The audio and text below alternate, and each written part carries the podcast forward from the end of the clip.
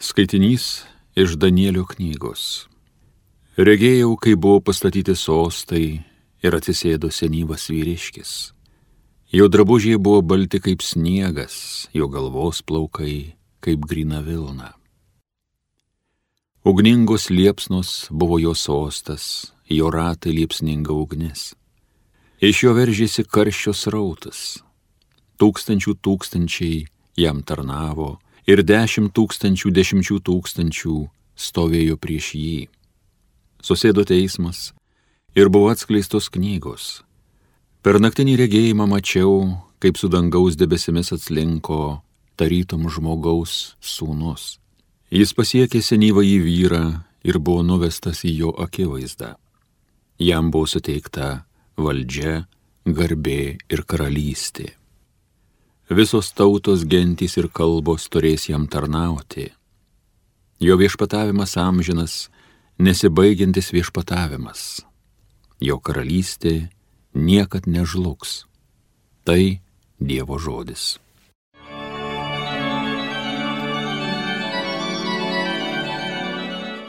Angelų akise gėdu tau viešpatie giesmę. Visa širdimi tau Dieve dėkoju, kad išgirdai mano balsą. Angelų akise gėdu tau giesmę, lenkiuosi tavo šventoviai. Angelų akise gėdu tau viešpatie giesmę. Tavajam vardui dėkoju už tavo malonę ištikimybę. Tavi pažadai pranoko tavo į garsą. Ta diena, kada aš šaukiaus, mane tu girdėjai, sustiprinai manąją sielą. Angelų akise gėdu tau viešpatie giesmę. Tau Dieve dėkoja pasaulio valdovai, išgirdę, ką tavo burna pažadėjo. Jie šlovina viešpaties darbus, negirdėta Dievo didybė. Angelų akise gėdu tau viešpatie giesmę.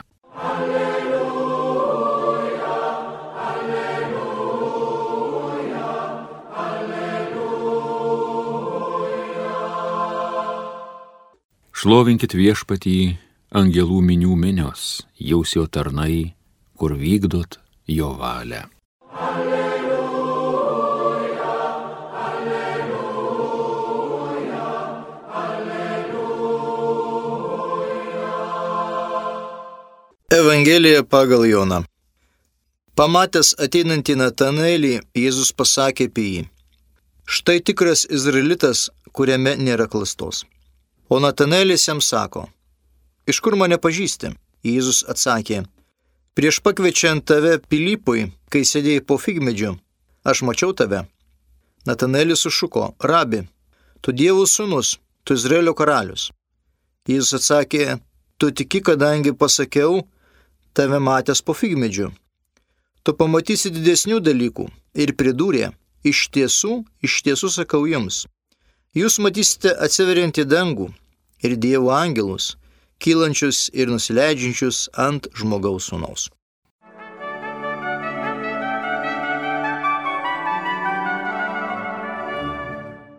Brangus Marijos radio klausytojai, švenčiame Mykolo Gabrielius ir Apolo Arkangelų šventę ir todėl šiandieną skaitome Jono Evangeliją, pirmą skyrių nuo 47 iki 51 eilutės. Tai yra pasakojimas apie pirmojų mokinių pašaukimą. Jonas Evangelistas truputėlį savitai aprašo mokinių pašaukimą. Tarkime, sinoptikai parodo tą tokį Jėzaus dinamišką veikimą mokinių atžvilgių Jėzus ateina, Jėzus praeina, Jėzus taria ir tie mokiniai seka paskui mokytoją. Jono Evangelija truputėlį bando parodyti kitokiu rakursu. Tarytum mokiniai patys ieško to tikrojo mokytojo. Sinoptikai atvirkščiai, sinoptikai parodo, kad Jėzus iš tikrųjų išsirenka tuos, kuriuos jisai norėjo. O štai Jono Evangelija kalba, kad tarytum mokiniai yra ant ieškojimo slengščio. Šiuo metu jie yra, galima pasakyti, Jono Krikštojo mokiniai. Jie eina teisinga linkme, bet jie nori kažko tai dar daugiau. Jie nori pažinti tai, kas buvo pažadėta Izraelio tautai. Tie pirmieji mokiniai nori pažinti tai, kas buvo apreikšta Izraelio tautai. Ir tas mūsų evangelinis pasakojimas, jisai prasideda jau netgi nuo 35 eilutės. Kita diena tenai vėl stovėjo Jonas ir du jo mokiniai. Išvykęs ateinantį Jėzų jis tarė, štai Dievo vinėlis. Išgirdę to žodžius, abu mokiniai nuėjo paskui Jėzų. O jis atsigrėžė ir pamatęs juos sekančius paklausė, ko ieškote. Jie atsakė, rabi, tai reiškia mokytojau, kur gyveni. Jis tarė, ateikite ir pamatysite. Tada jie nuėjo, pamatė, kur jis gyvena ir tą dieną praleido pas jį. Pirmųjų mokinių pašaukimo pasakojimas yra pridėtas įvairiausių teologinių ir labai tokių svarių Naujojo testamento terminų, kaip Dievo avinėlis, kaip žodis rabi, mokytojų, kaip paskui Mesijas toliau pereina, paskui Dievų sūnus. Tarytum parodomas tas susitikimo su Jėzumi Kristumi mokinių augimas. Iš pradžių Jonas Krikštojas, kaip paskutinis Seno testamento pranašas, jisai parodo Jėzų kaip mesiją ir sako, štai Dievo vinėlis. Ir jo tarytum misija baigėsi, jisai mokiniams parodo tą asmenį, kuris buvo išpranašautas ir kuris turėjo ateiti į šį pasaulį. Ir tarytum Jono krikščitojo misija baigėsi. Bet mes matome toliau, kada susitinka jau mokiniai, mokiniai Jėzus žiūri kaip į mokytoją ir sako rabi. Tai reiškia mokytojo, kur gyveni. Ir jau pačioje Evangelijos pradžioje pirmajame skyriuje jau mokiniai į Jėzų kreipiasi terminu rabi, mokytojau.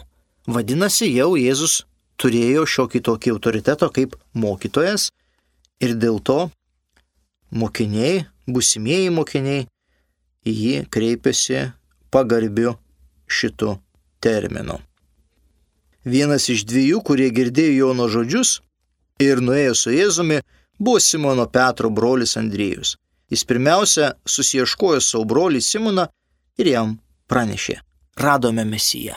Tai štai vėl sekantis žingsnis šitame pasakojime, kad mokiniai ne tik tai mato Jėzuje nepaprastą mokytoją, bet taip pat Jono paskatinti Jėzui Kristuje mato Mesiją, kuris reiškia Dievo pateptasis, kuris buvo laukiamas ilgus šimtmečius ir kuris ateisęs ir atpirksęs, išlaisvinsęs Izraelį iš nuodėmių gniauštų, o taip pat iš politinės jėgos ir nusivedė jį pas Jėzų. Jėzus pažvelgė ir tarė, tu esi Simonas Jono sūnus, o vadinsis Kefas. Tai reiškia Petras Ula. Čia mes matome tą visiškai kitokią Evangelijos pagal Joną redakciją. Petrui pakeičiamas vardas arba suteikiama ta netgi misija įvyksta pasinoptikus prie Pilypo Cezarėjos, kada Petras išpažįsta Jėzui, jog jisai yra mesijas Ir tada Jėzus sako, tu esi Petras uola. Aš ant tos los pasatysiu savo bažnyčią ir pragaro vartą jos nenugalės. O šitoje vietoje matome, kad su pašaukimu iš karto yra Petrui duodama misija, nes Jono Evangelijoje nėra Pilypo Cezarėjos scenos. Dėl to čia, pačioje pradžioje, jau su pašaukimu Petrui duodama ir misija Labai yra svarbu Biblijoje pastebėti, kad tie išskirtiniai asmenys, jie gauna iš Dievo kitus vardus, kurie būtent simbolizuoja jų tolimesnę veiklą. Dar kitą dieną iš, išvykdamas į Galilę Jėzus sutiko Pilypo ir jam tarė, sek paskui mane. Pilypas buvo kilęs iš Betsaidos, Andrijaus ir Petro gimtojo miesto. Pilypas sutiko Natanelį ir sako jam, radome tą, apie kurį rašė Mozė, įstatėm ir pranašai, tai Jėzus iš Nazareto Juozapo sūnus. Matome tą iš tikrųjų atmosferą, kurioje gyveno tuo metiniai žmonės. Jie iš tikrųjų labai, labai laukė ateisinčio mesijo kuris turėjo pakeisti jų gyvenimus, tiek dvasinius gyvenimus, tiek iš tikrųjų fizinius gyvenimus. Ir štai tik tai maža grupelė žmonių tuo įtikėjo. Ir čia yra tas tikėjimo dydis ir tikėjimo svarbumas, kad Jėzus atėjo į visą tautą arba pas visą tautą, bet priėmė jį tik tai nedidelė grupelė žmonių. Todėl mes turime iš tikrųjų būti labai jautrio širdies, kad visuomet galėtumėt pažinti Jėzų Kristų, kada jis ateina mūsų kasdienybėje, mano gyvenime, mano aplinkoje.